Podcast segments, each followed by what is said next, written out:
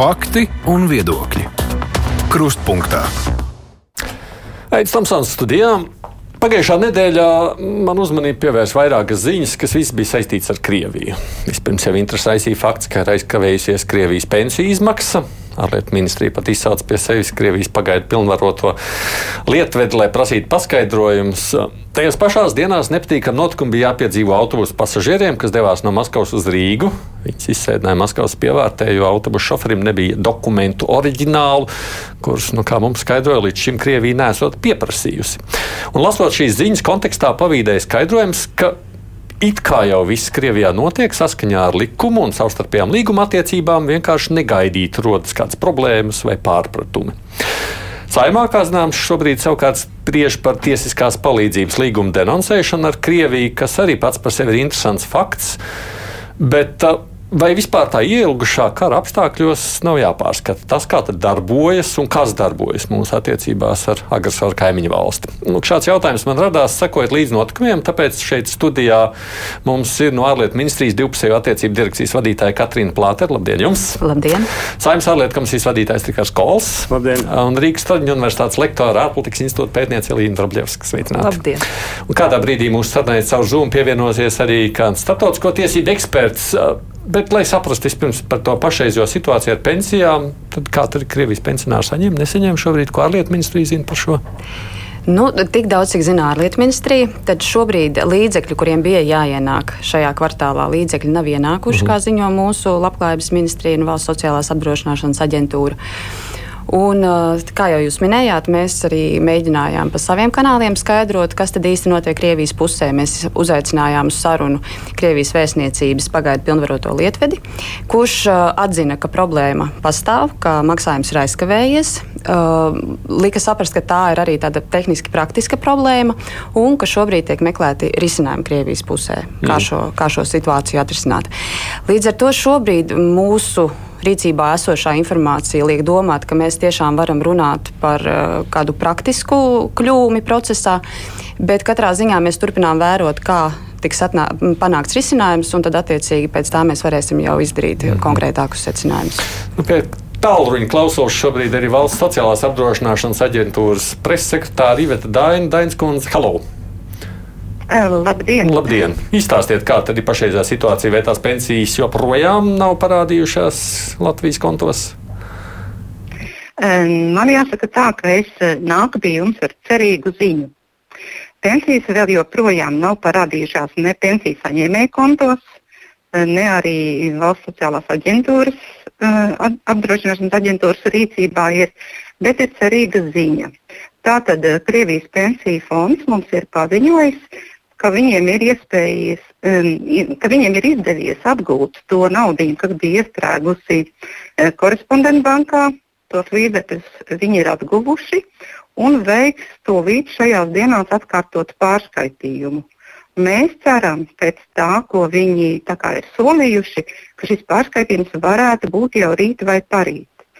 Protams, vispirms nauda ir jāsaņem. Uh, tad, kad tiks saņemti šie līdzekļi Eh, Krievijas pensiju izmaksā, izmaksai, tad nu, tā, mūsu prognoze ir tā, ka operatīvi mēs varētu izmaksāt šīs pensijas līdz nākamās nedēļas beigām. Tā kā šī jau ir tāda laba ziņa. Nu, par to labumu mēs vēl mazliet parunāsim šeit, bet runājot savukārt par uh, pašu faktu kā tādu, tas, ka tā ir iesprūdusi kādā citā bankā, to apgalvo pat Krievija. Nu, tas jums vienkārši jātic viņiem uz vārta, vai ne? Jā, to apgalvo Krievija, bet uh, mēs ne tikai ticam uz vārda, bet uh, Krievija atsūtīja arī, nu, es precīzi nepateikšu, kad tas bija, pagājušajā nedēļā maksājuma uzdevumu, kas apliecināja, ka viņi šos līdzekļus, šo finansējumu, kas ir paredzēts uh, Krievijas pensiju izmaksai Latvijas iedzīvotājiem, ir pārskaitījuši konkrētai bankai. Tad arī valsts kase, man ir informācija, ka arī valsts kase ir mēģinājusi um, kaut ko darīt, bet, bet man nav informācija, ko tieši. Bet nu, šobrīd kā Mēs gaidām tikai to naudu. Un tagad kā viņi skaitīs caur citu banku vai jums pat tiešo, un kas būs citādi nekā bija nu, līdz šim? To mēs nezinām, kā viņi skaitīs caur kuru banku.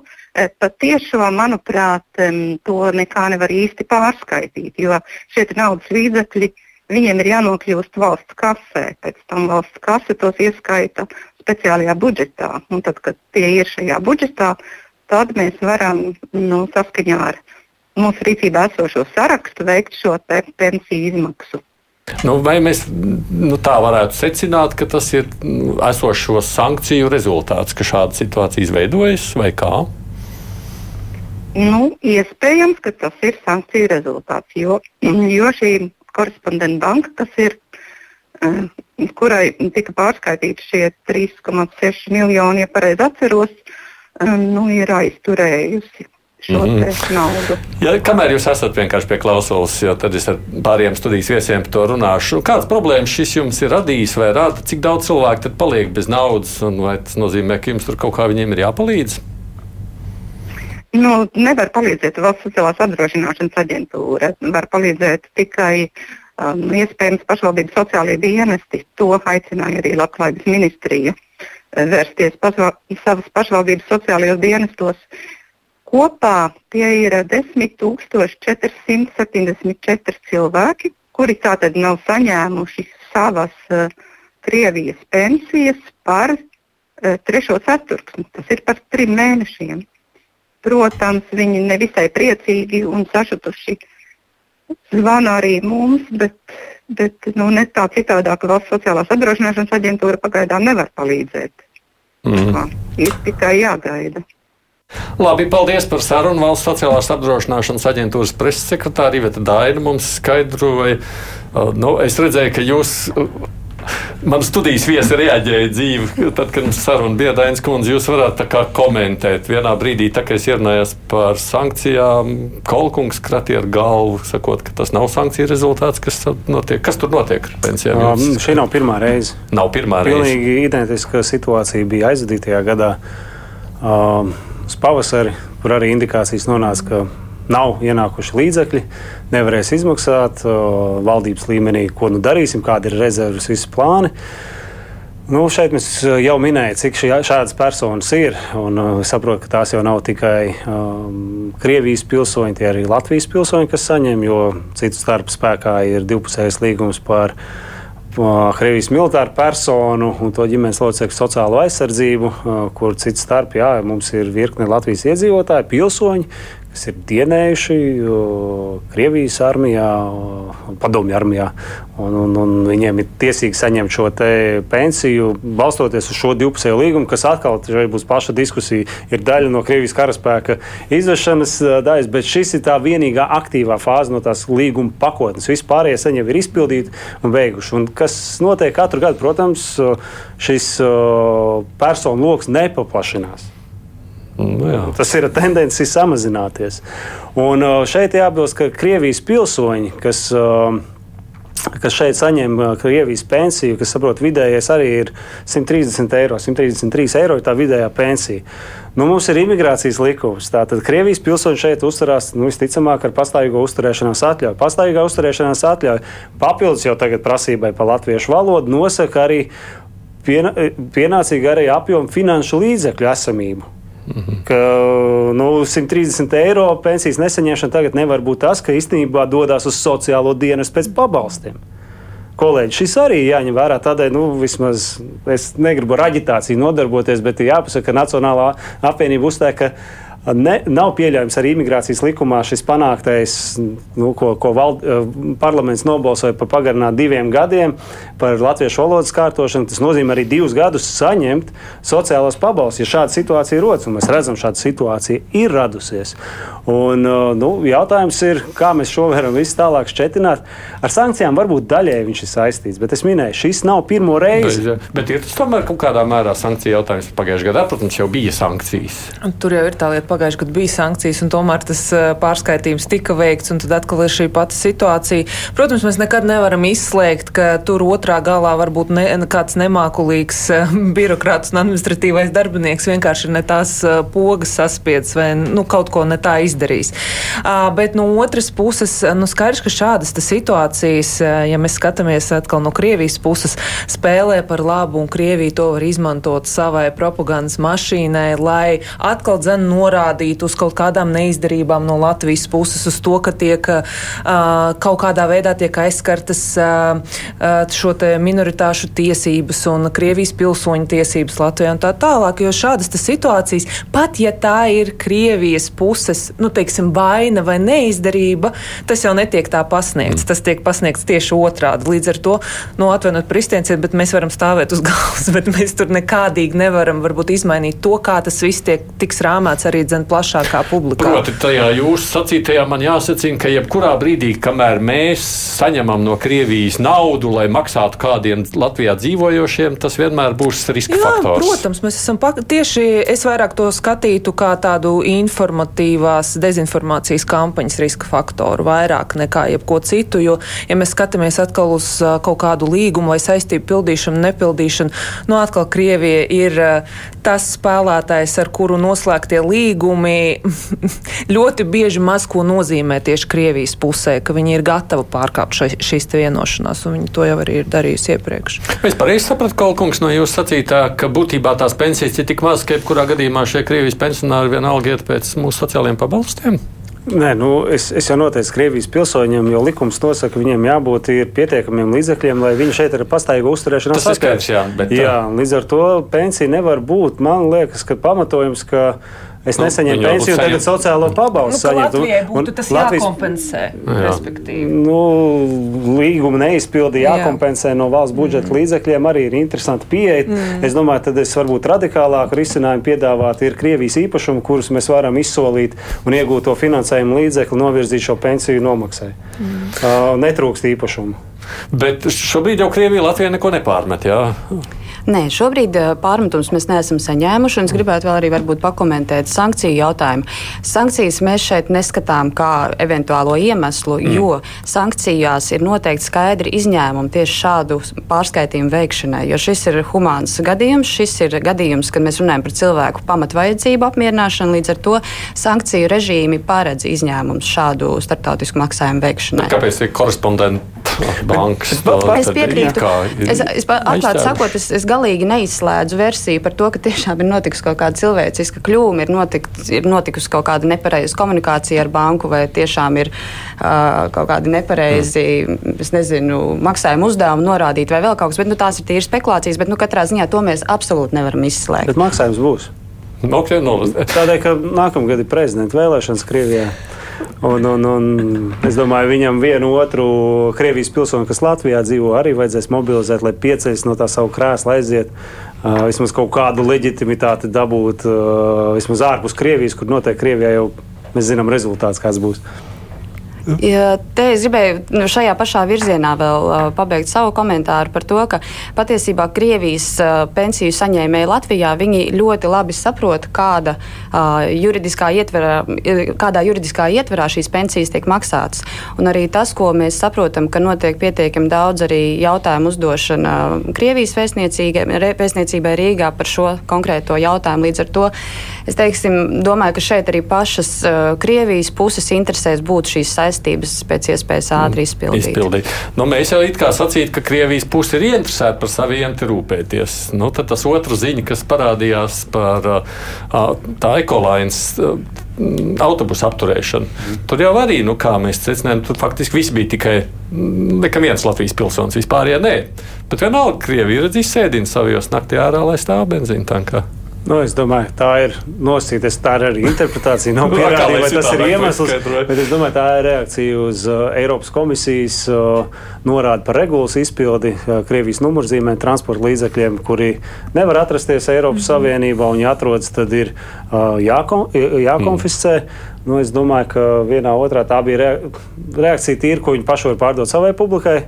Ka nu, rekā, pasi, viņi, viņi ar savām sankcijām paši sev zāģē zārus, kura sēž. Un, mm. un tādā veidā es nedomāju, ka tas būs masveidīgi, mm. jo tomēr tā vēlme ceļot pāri un tam līdzīgi noslāpē varbūt to. Nu, teiksim, tā režīma vadmotīvus citus. Kāpēc es to jautāju? Vai nav tā, ka nu, it kā šķiet ir, bet varbūt arī reizēm tādas, nu, tādas riebeklības parādās no tās puses. Kāpēc tādas vajadzīgas Krievijai? Ah, kāpēc?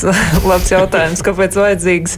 Uh, nu, pirmkārt atkal, at, atkal atkārtošos eh, kaut kādas savas, sava informatīvā narratīva uzturēšanai, protams, jo tas jau nav svarīgi, ka tur bija viens Latvijas pilsonis un pārējie varbūt nepilsoņi vai Krievijas pilsoņi autobusu no Latvijas brauc uz Latviju. Tas jau ir tas svarīgais fakts, mhm. tas ir tas, kas būs uzsvērts. Un otrs, jā, ir šīs te kaut, tā kā jūs teicāt, šīs te riebeklības, kaut kādas pretreakcijas, nu, lai tā kā parādītu, nu, bez mazvai, ka mēs jūs redzam un mēs esam gatavi pretdarbot tuvoties tiem, tiem noteikumiem vai noteikumu izmaiņām vai lēmumiem, ko jūs esat gatavi savā pusē pieņemt. Bet tā ir patiešām tāda, nu, tā ir ļoti tāda maza, maza asara lielā jūrā.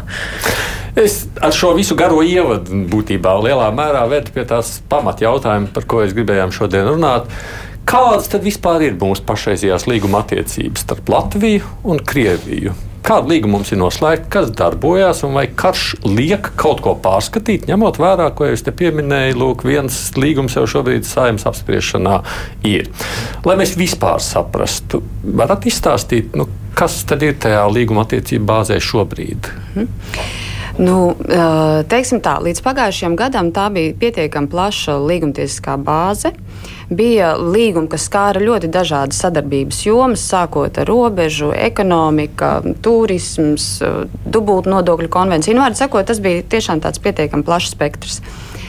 Bet uh, precīzi tā iemesla pēc, ka šobrīd mēs esam pilnīgi citā ģeopolitiskā situācijā un Krievija ir agresors viņas pašas uzsāktā karā, agresijas karā, tad pagājušo gadu jau saimā tika vērtīta visa mūsu līgumtiesiskā bāze, pēc kuras arī tika pieņemta attiecīgi lēmumi par pietiekama skaita līgumu denoncēšanu un arī vēl lielāka līguma skaita apturēšanu uz nenoteiktu laiku. Līdz ar to principā tā revīzija jau ir notikusi un šobrīd spēkā ir palikuši pamatā līgumi, kas skar tādas absolūti būtiskas sadarbības jomas, nu, piemēram, vesela līgumu uh, sērija, kas, ir, uh, kas regulē robežas jautājumus.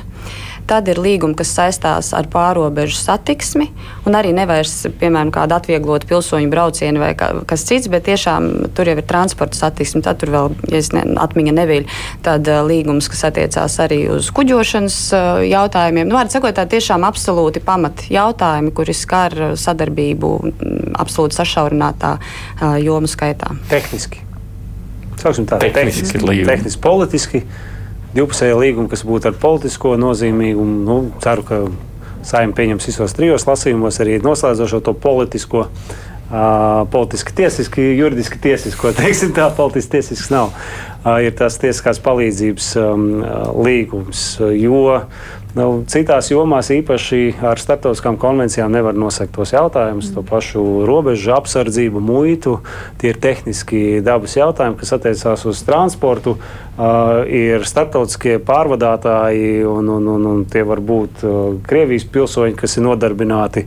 Tādā veidā tas jautājums joprojām ir izcināms. Bet uh, nu, es ja man vajadzētu apzīmēt, kāds ir tas status, vispār sadarbība Krievijā ir absolūti minimāla. Absolūti minimāla tehniskajā līmenī. Jā, reku šeit, pieņemsim, gadījums ar tām pensijām izsauc. Ja nav vēstnieks, tad vēstnieks vietas izpildītājs un, un, un nodot ziņu, kur nekādas citas pārunas nav, kur vienkārši noteikti sagaidām, pildiet līgumu. Nu, protams, no Krievijas sagaidīt, ka pilda līgumu arī tāds vēlmi faktors, vēlmi domāšana. Un, uh, nu jā, un kopumā mm, tas nav tikai ar Krieviju, bet arī ar Baltkrieviju. Mēs esam veikuši šo auditu mm -hmm. divpusējiem līgumiem. Un, uh, es domāju, tā ir ļoti likumsakarīga rīcība. Uh, es saprotu, ka bija dažāda argumentācija vēl joprojām ir par tieskās palīdzības līgumu. Bet es, es piemirsu saimnes sēdes laikā, kad pirmais, pirmajā lasījumā balsojums bija minēt arī to, ka Igaunija to pašu ceļies. Saņēma apstiprinājumu no Rīgas koku, no viņa parlamenta, ka viņi uzsāks arī tieskās palīdzības līguma denoncēšanu.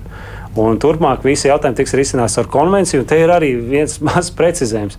Nevis mēs tagad pievienosimies konvencijai, un Krievija pievienosies konvencijai, bet gan Latvija, gan Krievija jau ir ratificējušas šīs konvencijas, kas ir tieskās palīdzības jomā krimināllietās, civilietās un ģimenelietās.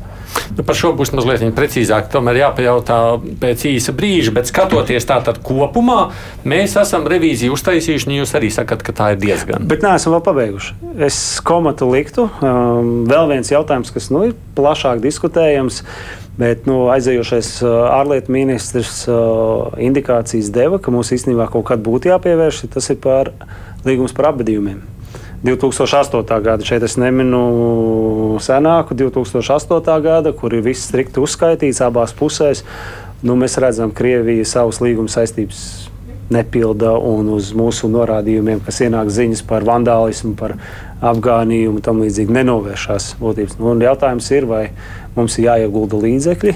Protams, tas nenozīmē, ka mēs nolīdzinām kapavietas, absolūti nē, bet mēs tajās neieguldam līdzekļus. Tas nav Latvijas pienākums, ja otra puse nerespektē šīs pašas līguma saistības. Hmm. Tīri eksperta viedoklis, Līna, kā izskatās kopumā, skatoties šo revīziju, ir izveikta, ir jāveic vēl kaut kas pareizi darām.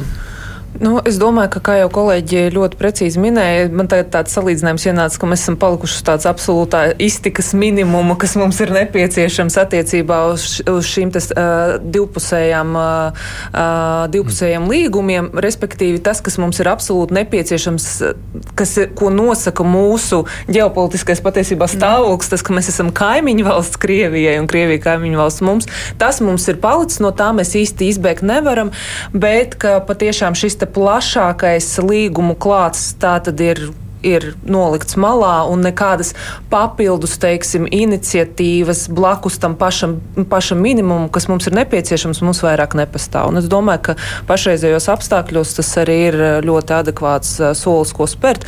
Attiecībā uz revīziju turpmāk, jā, patiešām es arī piekritīšu, ka tomēr būtu nedaudz varbūt ciniskāk un mazāk demokrātiski jāskatās uz uh, tām līguma saistībām un tiem punktiem, kur ir skaidrs, ka Krievija ne neievēro savas līguma saistības un varbūt pat viņas pārkāpj, un tad tur varbūt nākamais revīzijas punkts būtu skatīties tur. Protams, tad tas, es nedomāju, ka tas ārkārtīgi plaši atkal sašaurinās šo līguma bāzi, bet vēl kaut kādas nezāles, ja tā varētu teikt, tas varētu paraut ārā. Skatoties savukārt no mūsu puses, mēs taču arī kaut kāds, mums ir kaut kas, ko mēs pieņemsim, maksājam Latvijas iedzīvotājiem Krievijā, nu līdzīgi kā tu Krievija pieņemsim pārskait Latviju pensiju, ir kādi Latvijas pensionāri, kas ir tur un kuriem arī tas ir nepieciešams. Nu šeit es domāju, ka lab, labklājības ministrijas kolēģi varētu labāk komentēt, bet tieši tā šis pats līgums par sociālo drošību, viņš paredz arī Latvijas pensiju izmaksu Latvijas pilsoņiem Krievijā.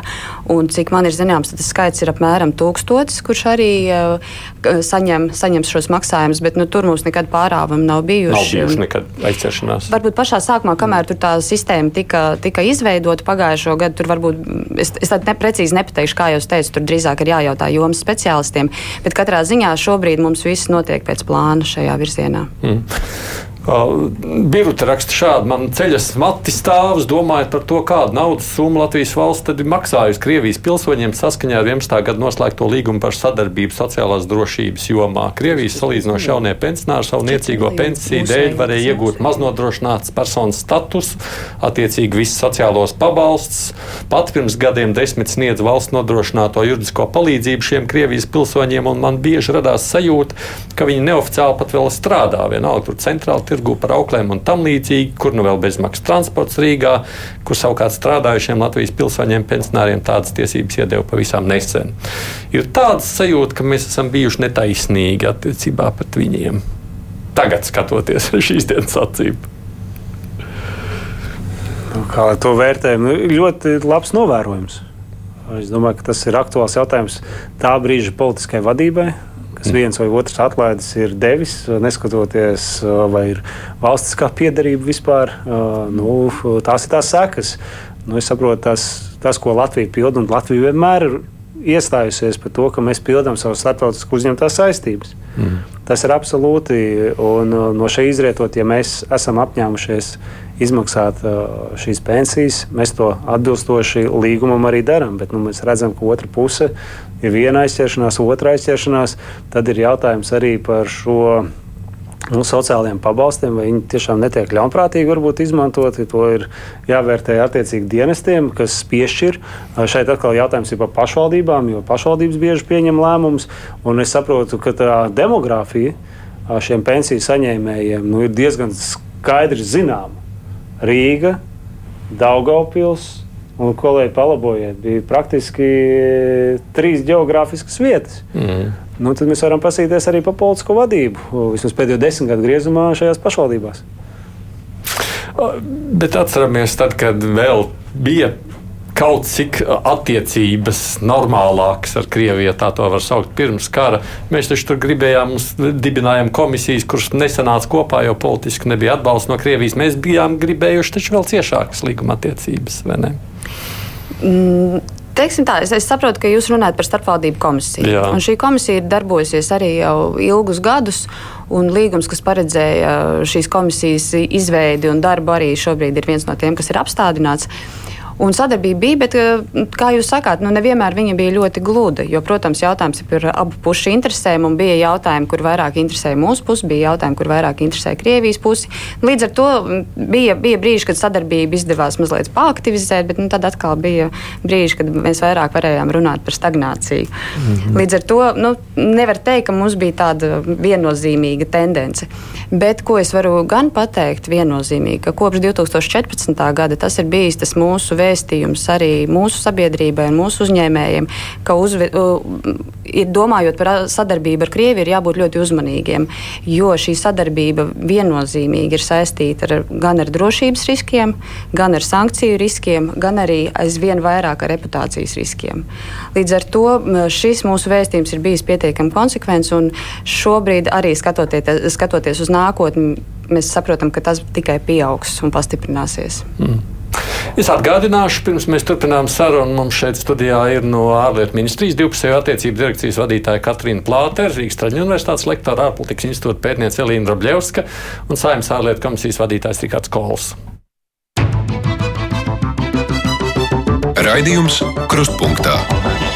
Un vēl mūsu sarunai šobrīd savu Zoom platformu pieslēdzas Rīgas Traģiņu universitātes juridiskās fakultātes dekāns Jānis Grasis Graškungs. Labdien jums!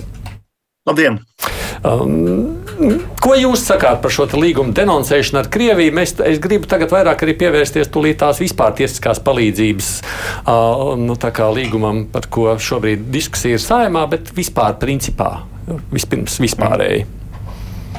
Um, es domāju, ka um, šis jautājums pieti, tiešām pietiekoši sarežģīts. Ja? Jo te jāņem vērā divi aspekti. Pirmkārt, starpvalstu attiecības ja? un sadarbība, uh, un plus arī mūsu pilsoņu aizsardzība. Ja? Tie, kas šobrīd ir Krievijā. Es nesen gribēju noskaidrot, cik Krievijā dzīvo Latvijas pilsoņus, citu, ja? bet es neatradu šo ciprus. Diemžēl, ja? es noskaidroju, cik latviešu kā tādu aptuveni. Ja? Tā skaitā Sibīram, Kurvānam. Ja? Cik tad ir latviešu kā tādu? To jūs noskaidrojāt? Ja? Jā, tur bija aptuveni rēķini 20,000. Ja? Mm. Uh, bet tie nav visi Latvijas pilsoņi. Tie vienkārši latvieši, kas dzīvo ilgstoši jau Krievijā un tam līdzīgi. Ja? Uh, šeit es nezinu, ja, par to denuncēšanu. Ja? Tā ir politiskā izšķiršanās, ja, nu, teiksim, varbūt, ja man būtu jāpieņem lēmums, ja, es tomēr daļēji apturētu līguma darbību. Ja. Tas būtu mans viedoklis. Ne, ja? Varam demonstrēt, jā, bet tad jau arī, manuprāt, jādemonstrē visi šie deviņi līgumi, ja, kas droši vien morāli novecojuši, ja, arī ar Kirgistānu un, un Uzbekistānu un tam līdzīgi. Ja. Uh, un tam līdzīgi. Es piekrītu, ja, ka viņi ir jau ārpus mūsu laikmeta, man, ja, tie 90. gadu sākumā slēgti un tam līdzīgi. Man, ja. Bet ņemot vērā to, ka tomēr tie teiksim, pilsoņi dzīvo, man, ja, un tam līdzīgi, ja, es viņu daļēji aptvertu darbībā. Ja. Tas būtu tomēr mans viedoklis, man, ja, bet pilnībā es nedenoncētu. Ja. Es saprotu, kāda ir atšķirība starp apturēšanu un denoncēšanu. Tad jums jāizskaidro, nu, lai mēs saprastu. Tomēr, Tad ir panti, kas patiešām mums rada aizdomas ja, par Krievijas tiesu sistēmu, nevis spriedumiem un tam līdzīgi. Ja. Um, un tiešām nu, tur droši vien, ka pāris panti būtu noteikti jāaptur darbībā. Ja. Ja, nu, pilnībā, ja tas nozīmē, ka arī mēs liedzam tur pilnībā, nu, cik es zinu, tad uh, PMLP apmainās informāciju par tiem pilsoņiem, viņu dokumentiem un tam līdzīgi. Ja? Ir lietas, kur nu, tas palīdz kaut kur sadarboties. Ja? Uh, ņemiet vērā arī kara apstākļos, valstis nu, ir spiestas. Ja? Nu, mēs pagaidām neesam karā tieši, vai, ja? tad mēs esam tikai netieši atbalstam vienu valsti, kas aizsargājas no agresoru vai ja? no, no teroristiskas valsts. Vai, ja? Bet ir zināmas aspekti, kas tomēr, manuprāt, nu, vairāk palīdzētu mūsu pilsoņiem. Ja? un arī kaut kur starpvalstu attiecībās. Ja? Tas būtu tas mans viedoklis. Kolkungs, jūs varētu tagad par tiesiskās palīdzības līgumu mazliet vairāk izskaidrot, kāpēc denoncēt un kas tad tur tas iemesls ir? Būtu, ja? Nu, tik daudz nebūs. Jā, jā nu. Jā, es, es, es nevaru pilnīgi visas dimensijas diskusijas, kas ir bijušas par šo jautājumu, jo nav, kā dažs labs uh, publiskajā telpā izsakās, ka šis ir tāds spontāns lēmums, ko viena partija ir iesniegusi. Uh, pieliek vienmēr, nu, tas jau nepārsteidz, ka viņi to ir iesnieguši. Bet nē, ārlietu komisija tomēr jau raidījuma sākumā iztirzā to jautājumu par divpusējo līgumu izvērtēšanu. Uh, mēs apstājāmies pie šī jautājuma diezgan plašas diskusijas. Bija tā laika ministrs uh, Bordāns teicās, jā, liekam komatu. Tagad vēl nevirzam denonsēšanu. Pašlaik šis ir uh, vēl svarīgi. Skatāmies, kā situācija attīstās. Vēl bija vismaz trīs sēdes iepriekšējā sasaukumā. Katru reizi nu, jautājums, kā situācija attīstās, ka ir kaut kas progress. Nē, visur ir regress un sliktāk un sliktāk. Un jaunajā saimā nu, kolēģi arī saka, ka nav pietiekami izdebatēts, no, protams, noliekot no iepriekšējā saimā. Bet tāpat laikā, paralēli procesam, kas ir politiskajā līmenī, juristu saime, tiesību eksperti paši organizējuši diskusijas, plašas diskusijas par šo. Un šajā mēnesī ir diezgan nu, teikšu, kvalitatīva publikācija jurista vārdā. Nevis viena, bet vesels žurnāls veltīts tam no dažādiem rakursiem apskatīts jautājums. Un, kā jau Gāžkungs min, šī ir politiskā izšķiršanās.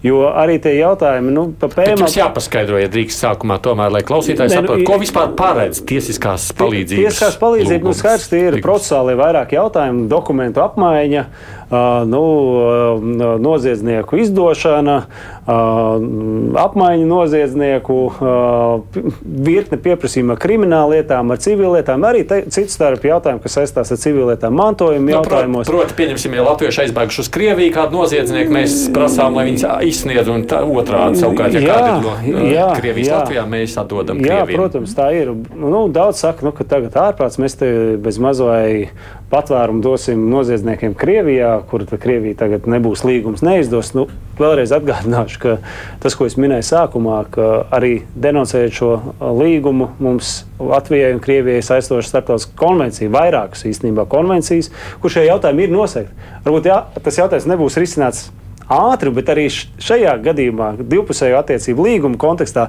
jautājumi netiek risināti ātri. Mm. Tās atbildes ir tā, kā nu tā otra puse izdomās. Viņi nav tā, ka viņi pilda kā nosūtījumu, tā ir atbilde ar pieprasījumu, ko apmierināšanu. Nē, tur ir diezgan daudz noraidīti, ir diezgan daudz gadījumu, kur Latvijas ģenerāla prokuratūra noraida, jo ir aizdoms par politisku piešķiršanos. Un tad mēs paskatāmies to Krievijas rādītāju starptautiski. 107. vietā tiesiskuma ziņā, Latvija 24. Tie nav līdzvērtīgi partneri, tur nevar būt apusēja akla uzticēšanās. Un līdz ar to tie riski, kas pastāv, ja Latvijas pilsoņi ir Krievijā, Tie, kas ne, nedzīvo tur ilglaicīgi, nesen, nu, Latvija ir skaidri un gaiši pateikusi, nedodieties turien, uz Krieviju. Nu, var ignorēt, bet tad ir tavs risks uzņemies ar visādiem riskiem. Vervēšanas riskiem vai iesaistīt propagandas karā, kā man Mikins pieņemsim.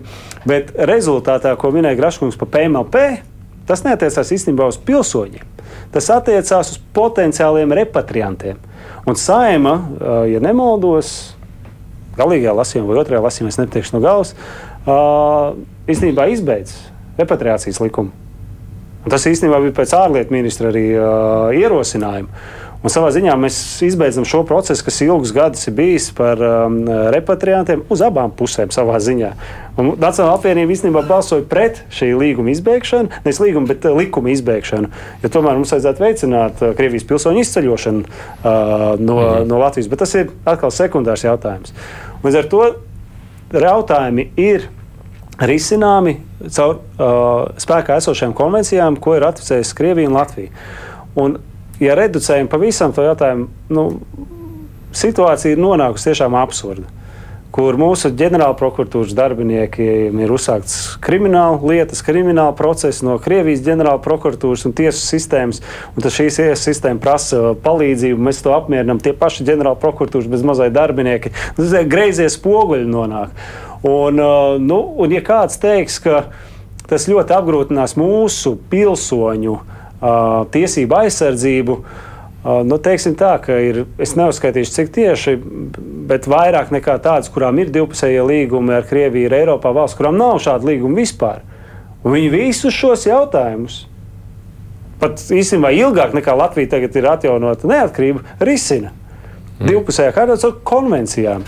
Tad, nu, ziniet, tā ir, man liekas, tāda pārlieku spekulācija, ka tas ir tā paļaušanās. Ja mēs tagad denunsēsim, nu, tad nu, Krievija neko nevis. Kā mēs vispār varam uzticēties Krievijas varas iestādēm? Nu, kā? Tas, ko Kolkungs tāds saka, nu, varbūt, ka es, man liekas, nu, ja es tādu brauktu uz Krieviju, es taču nevaru būt drošs ar kādu līgumu. Nav tā, Elīna? Mm, nu, nav tā, jā. Nu, ir, līgums, nav līgums, jūs nevarat nebūt ne? par ko droši. Uh, bet, nu, man droši vien nebūs tādas pareizās atbildes uz šo visu. Ir tikai, man liekas, virkne plusu un virkne mīnusu tam, vai, vai palikt ar šo vienošanos vai bez viņas. No vienas puses, tieši tas, ko Kolkungs saka, ir starptautiskās normas, starptautiskās konvencijas, kuras tāpat regulē šos jautājumus. Un gan Krievija, gan Latvija viņas ir ratificējusi, un tā tad ir dalība valstis visos attiecīgajos formātos, kur mums būtu jābūt. Līdz ar to šie jautājumi tur ir izcināmi. No otras puses, no atkal ir mūsu geogrāfiskā atrašanās vieta. Tas, ka citām Eiropas valstīm varbūt nav šādu divpusējo līgumu, nenozīmē, ka mums tāds nav nepieciešams. Es tagad neaizstāvu, es vienkārši vairāk uzskaitu tā, tā, tos plusus un mīnus. Atkal no trešās puses. Tieši tā, Krievija nu, nav ārkārtīgi naska uz šī līguma ievērošanu.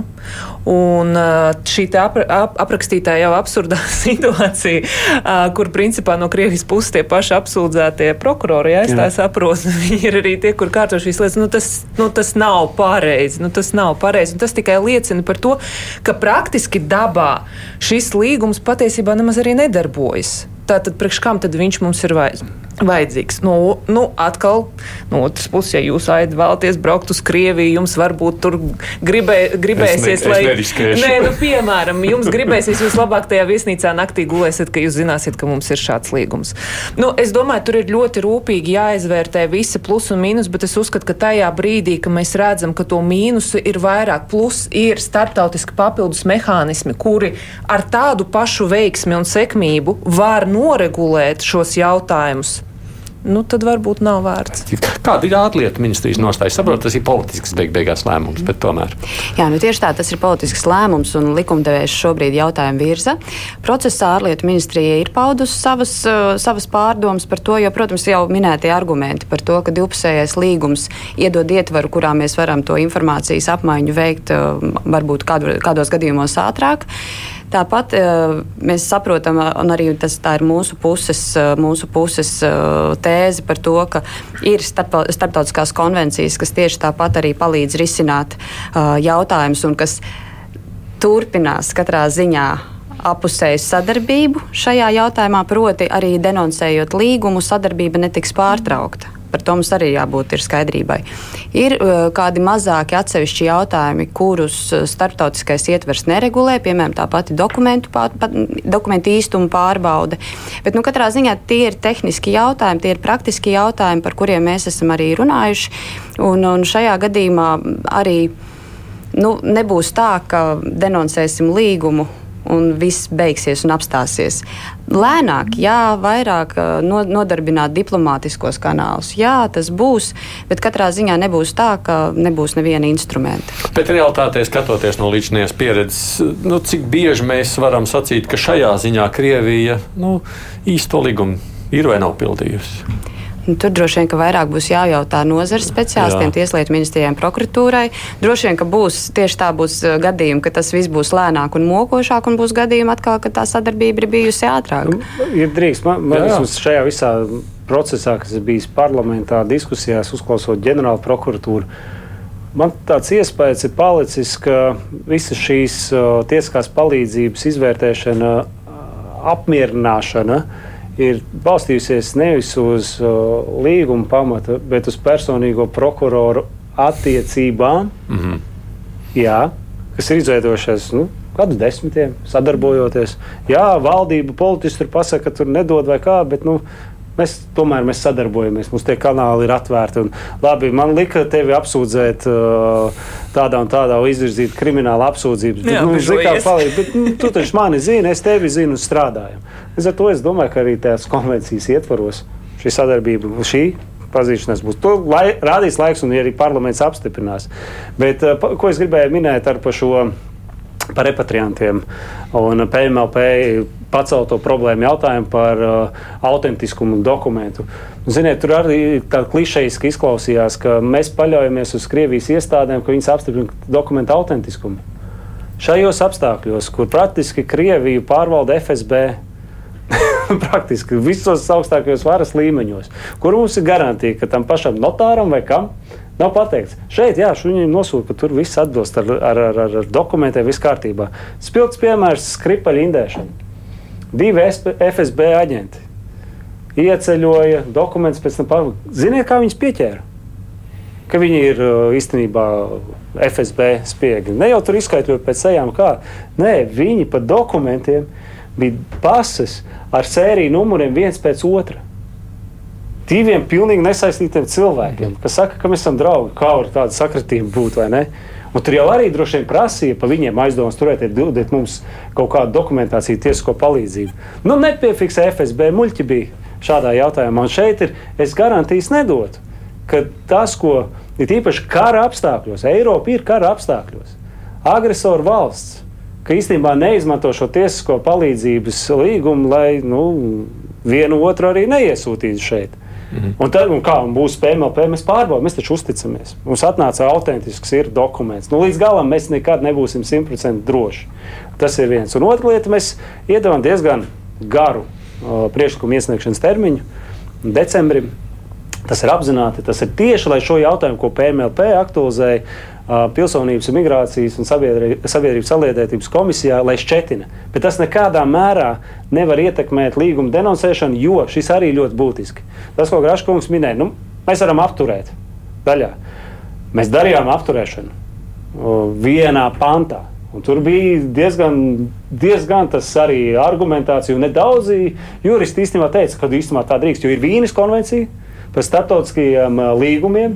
Un, ja līgumā ir minēts skaidri atrunāts, kādā veidā viņu vispār var izbeigt, un turpat nav atrunāts, ka var apturēt kaut ko daļā vai kur.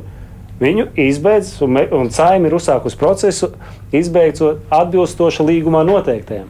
Tas būs tā, ka trīs lasījumi izies, pēc mana aprēķina varētu būt nākamā gada janvārs prezidents izsludina, un tad vēl seši mēneši, un tikai tad līgums viss zaudē spēku.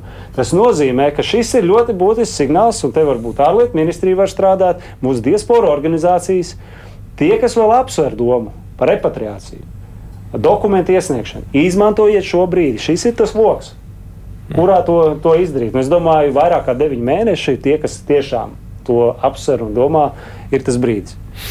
Graškungs, klausoties tagad, kā jurista eksperta viedokli, nu, ko jūs sakāt?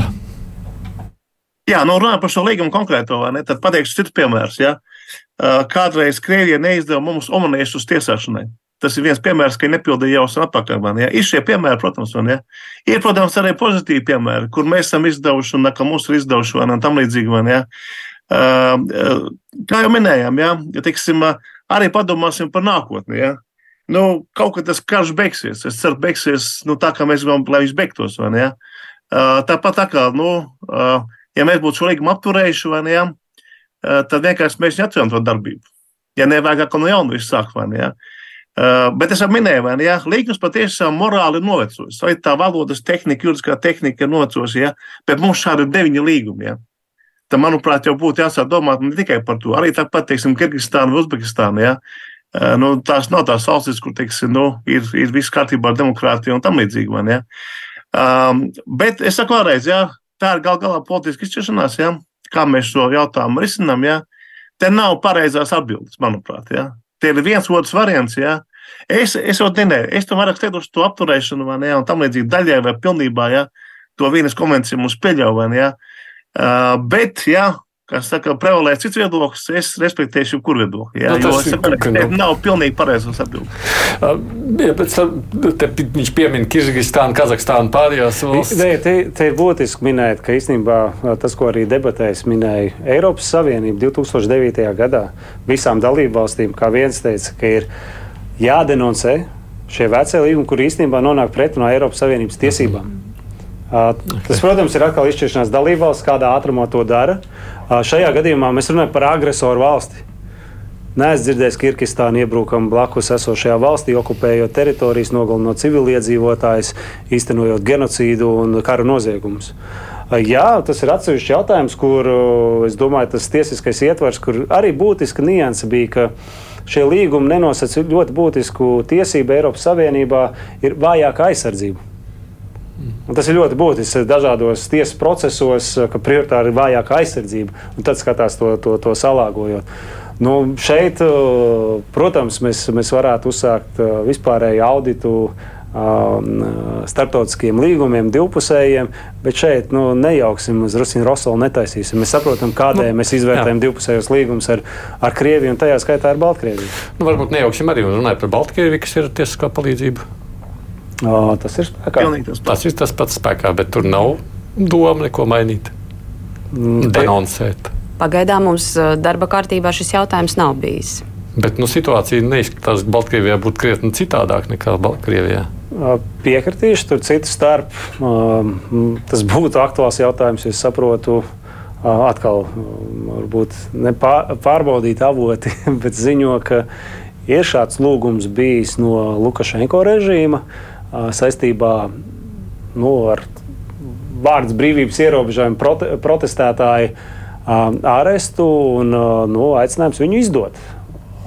Vai, nu, vai nevis izdot, bet sniegt uh, tiesisko palīdzību, dokumentus un tā tālāk. Un cik es saprotu, vismaz es tos avotus. Man nav varbūt simtprocentīgi garantēts, bet mm. saka, Latvijas puse ir apmierinājusi. Tas ir. ā, Tas liek uzdot jautājumus. Jā. Jo tomēr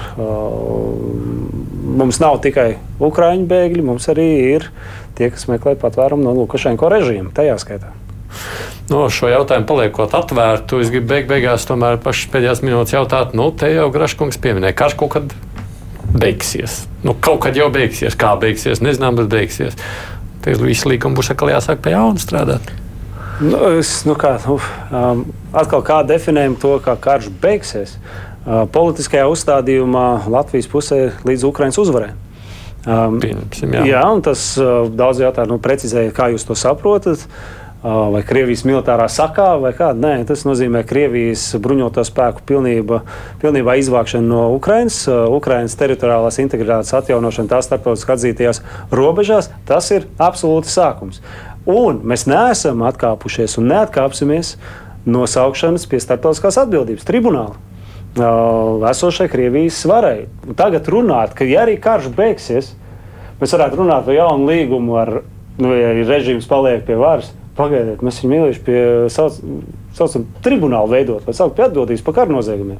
Tā kā es domāju, šeit ir jābūt piesardzīgam, ko mēs arī publiskajā telpā esam. Jā, Karš kaut kādā beigsies. Tā ir nu, axioma, ko droši vien neviens nevar apgāzt. Nu, noteikti tā būs. Ir kari, kas ilguši simts gadus, un ceram, ka mēs neesam tajā posmā vairs pasaulē, ka, ka atrisinās. Bet mūsu pozīcija, demokrātiskās pasaules daļas pozīcija līdz Ukraiņas uzvarai. Mums kādu laiku nu, ilgstoši, kā tavuprāt, Elīna, būs jābaidās, ja jādomā, ja jābūt piesardzīgiem vispār, ja kādu veidu tālāko atsarunās ar Krieviju. Kas ir ilgstoši? Nu, jautājums, tā. Bet par to, ka karš kaut kad beigsies, jā, nu, jā, tieši tā kaut kad viņš beigsies. Bet tieši tā, lai mm, runātu, tas, tas jau nav vienīgais priekšnoteikums. Pat, ja mēs pieļaujam, ka kara darbība Ukrainas teritorijā beidzas, Krievija eh, izvāc visu, visu savu karaspēku, bet ja režīms paliek tas pats un tagad atkal strādāt pie tiem pašiem līgumiem ar to pašu politisko elitu pašu, nu, tas ir, nu, tas, tas vispār neiet bišķīt kopā. Līdz ar to ir jāpiepildās ne tikai tam nosacījumam, ka beidzas karš, bet ir jāpiepildās arī noteiktām pārmaiņām Krievijas iekšienē, lai mēs vispār varētu runāt par attiecību restartu. Jo tas būtu, Jā. tās, tas būtu attiecību restarts. Līdz ar to tas nav tikai attiecināms vai reducējams uz reālo kara darbību Ukrajinā. Tas ir plašāks jautājums par politiskām pārmaiņām pašā Krievijā. Vai es pareizi saprotu, mūsu darbinieku skaits, kas strādā Krievijā un Baltkrievijā vēstniecībās, taču ir sarucis. Ja tā to varētu saukt. Jā, tieši tā. Baltkrievija tas ir vēl mazliet cits stāsts, jo tur mums šobrīd uh, vēstniecības apusē nedarbojas. Praktiski, mums ir tikai konsulāti un ģenerā, Baltkrievijas ģenerāla konsulāts Daugopilī un mūsu konsulāts Viķepskā, kas strādā tikai ar uh, konkrētiem konsulāriem jautājumiem. Kas attiecās uz situāciju Krievijā un mūsu diplomātiskajās attiecībās ar Krieviju, tur pagājušā gada laikā principā tā klātbūtne ir samazinājusies gandrīz uz pusi. Ir slēgti visi, visas konsulārās pārstāvniecības reģionos. Mēs esam pat vienpusēji aizslēguši ciet arī mūsu pārstāvniecību Gaļiņģegradā. Līdz ar to tas ir ar, arī sašaurināts līdz minimumam. Mēs esam samazinājuši diplomātisko attiecību līmeni, kas nozīmē, ka mums apusēji nav vēstnieku, mums eh, pārstāvniecības vada pagaidu pilnvarotie lietveži. Līdz ar to, protams, ka mēs esam um, arī absolūti minimizējuši šo, šo virzienu. Kāpēc es to jautāju? Nu, mēs pieminējām arī saistībā ar šo tiesiskās palīdzības līgumu, ka jebkurš ja šī līguma atcelšana vairāk darba dod mm, diplomātiskiem dienestiem, kas nozīmē, tie, kas paliek, viņiem vienkārši vēl vairāk darba. Tā? Bet nav jau tūkstošos. Ģenerāla prokuratūra palabos gadā tās uh, pieprasījumi nu, simts. Jau simts, un tur ir. Es vienkārši, es pat vairs negribu tas teikt, ir. No, tas līgums izbeidz, nu, tas, tas ir pienākums, ko ārlietu ministrija dara arī ar valstīm, kurām nu, mums nav līguma. Cik tās vienkārši attiecības ir palikušas? Nu, ko tie diplomātiskie darbinieki tur vēl darīt var un dara? Nu, pamatā mūsu darbība ir saistīta, protams, ar mūsu, ar mūsu valsts piedarīgo interešu nodrošināšanu. Tā ir viena lieta. Šīs, šī telpa arī sašaurinās tādēļ, ka mēs esam ļoti izteikti aicinājuši mūsu valsts piedarīgos ļoti rūpīgi vērtēt, cik daudz viņiem ir jādodas uz Krieviju, uh, cik daudz ir jāiesaistās jau kāda veida sadarbībā ar Krieviju. Bet ne, neskatoties uz to, mēs arī redzam kaut vai pēc tam pašām uh, pensiju saņēmēju rindām, ka mūsu pilsoņi tur ir. Un līdz ar to arī visi tie pakalpojumi, ko mums nodrošinam, mums ir jānodrošina arī šajā sašaurinātajā sastāvā. Tā ir viena lieta. Otra lieta ir jāsaprot, ka mēs dzīvojam blakus lielai, neprognozējamai un ārkārtīgi bīstamai valstī. Līdz ar to mums ir jābūt zināmam priekšstatam par to, kas šajā valstī notiek. Un uh, mūsu klātbūtne, tā skaitā Maskavā, ir pietiekami, pietiekami svarīga arī, lai mēs saprastu, kāda ir tā attīstības tendence. Būtiskas ir arī mūsu diplomātu attiecības ar partnervalstu pārstāvju attiecībām Maskavā, kas arī ir atsevišķs, mm. atsevišķs darbības virziens. Ir, da, ir lietas, kuras mums ir jādara un jānodrošina, bet nu, šobrīd mēs to darām, kā jau minēts, tādā sašaurinātā sastāvā. Nu, viena lieta ir skaidra, ka tā sadarbība ar Krieviju, jebkāda, kas ir bijusi, tiek samazināta tik, cik nu, tas ir iespējams. Un, kā Kolkungs teica, te vēl ir komats, vēl pārskatot to, kas vēl ir pārskatāms līdz galam, bet beigu beigās. Nu, tā realitāte ir tāda, kā ir. Un droši vien te jāliek ir tiešām vienā svara kausā gan Krievija, gan Baltkrievija, jo nekur jau tā situācija tur arī atšķirīgāka nav. Paldies jums, ka varējāt pievienoties mūsu šīsdienas sarunā. Jānis Grass, gan attālinot no Rīgas Traģiņu Universitātes juridiskās fakultātes dekāns. Paldies, Graškungs. No ārlietu ministrijas šeit bija divpusējo attiecību direkcijas vadītāja Katrīna Plātere, Elīna Robļevska ir ārpolitikas institūta pētniece no Rīgas Traģiņu Universitātes lektori, nu un savukārt Rikārds Kols vada saimā ārlietu komisiju. Paldies. Mēs par Krieviju mazliet runāsim Latvijas raidījā viens ētrā pēc stundas, kad skanēs raidījums divas puslodes, kas veltīts starptautiskiem notikumiem. Nu, tur ir daudz lietas, par ko runāt, gan par interesanto situāciju Ukrainas It īpaši ne tikai frontē, bet tas, kas notiek Krimā, par Ukraiņas-Polijas attiecībām, par to, kas notiek Kalnu Karabahā, tas viss būs mūsu uzmanības lokā. Nu, un kruspunktā savukārt rīt būs SPRK komisijas vadītāji. Producēja jau Zēzes studijā bija Aits Tamsons.